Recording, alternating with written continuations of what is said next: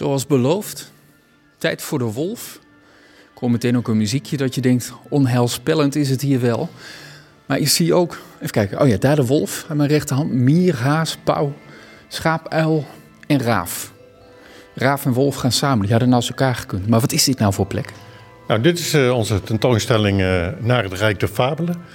En uh, hier vertellen we de fabels over de dieren. Hè, dus zo trots als een pauw, waar komt dat nou eigenlijk vandaan? Maar we vertellen ook wat er nou wetenschappelijk bekend is over die pauw. En waarom die dat doet met veren.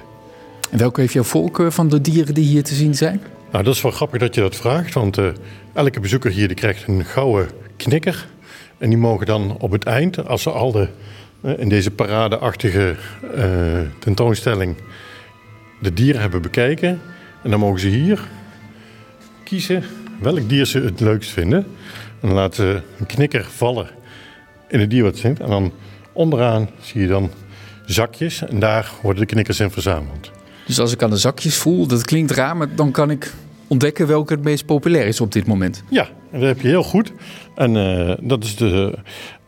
Dat, daar raak je een ander ding van de tentoonstelling aan. We hebben deze tentoonstelling uh, in samenwerking gemaakt met Stichting voor Blinden en Slechtzienden.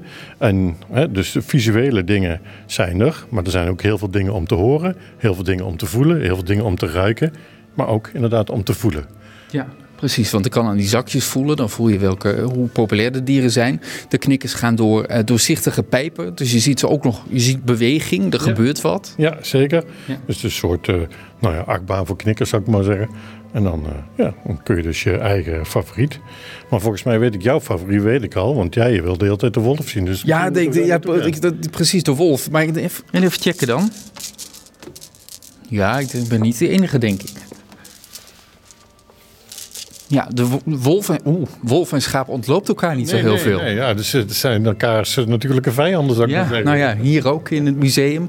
Maar dan gaan we naar de wolf. Dan ben ik toch benieuwd wat we dan uh, tegenkomen. In ieder geval een opgezette wolf. Ja, een licht exemplaar. Ja. Grote dier als je dat zo ziet, hè? Ja, hij is uh, inderdaad veel groter. Toen ik ook voor het eerst dat ik hem zag, uh, dacht ik ook van... oh, het is echt wel meer dan een grote hond... Ja, bij deze hoef je niet te twijfelen. Nee, Dit nee. is er wel echt een. Ja. Waardoor ik nu ook twijfel, zullen we naar binnen gaan? Maar dat, uh, dat moet prima kunnen. Je hoort het geluid veranderen. Dan zie ik een schedel van een wolf. Dus dan Ja. kun je nog eens even goed de tanden bekijken. Wat kan ik hier verder doen? Nou, je, hè, die, een, een wolf eh, die, die, die praat niet, maar aan zijn houding kun je dus wel eh, zien eh, wat hij bedoelt. En we hebben hier dus een aantal eh, voorbeelden van eh, lichaamshoudingen van een wolf.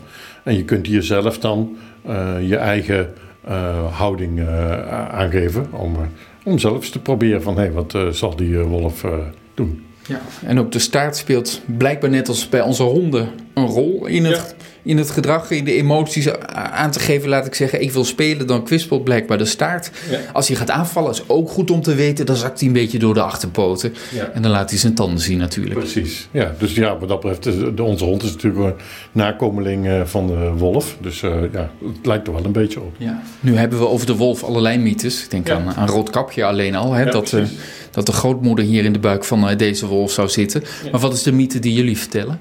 Nou, we hebben hier eh, eigenlijk eh, een, een, feiten en fictie. Hè? Dus eh, de fictie is, eh, nou, dat zijn de oude verhalen over de weerwolf en, eh, eh, en zo. Eh, en over een groot kapje natuurlijk.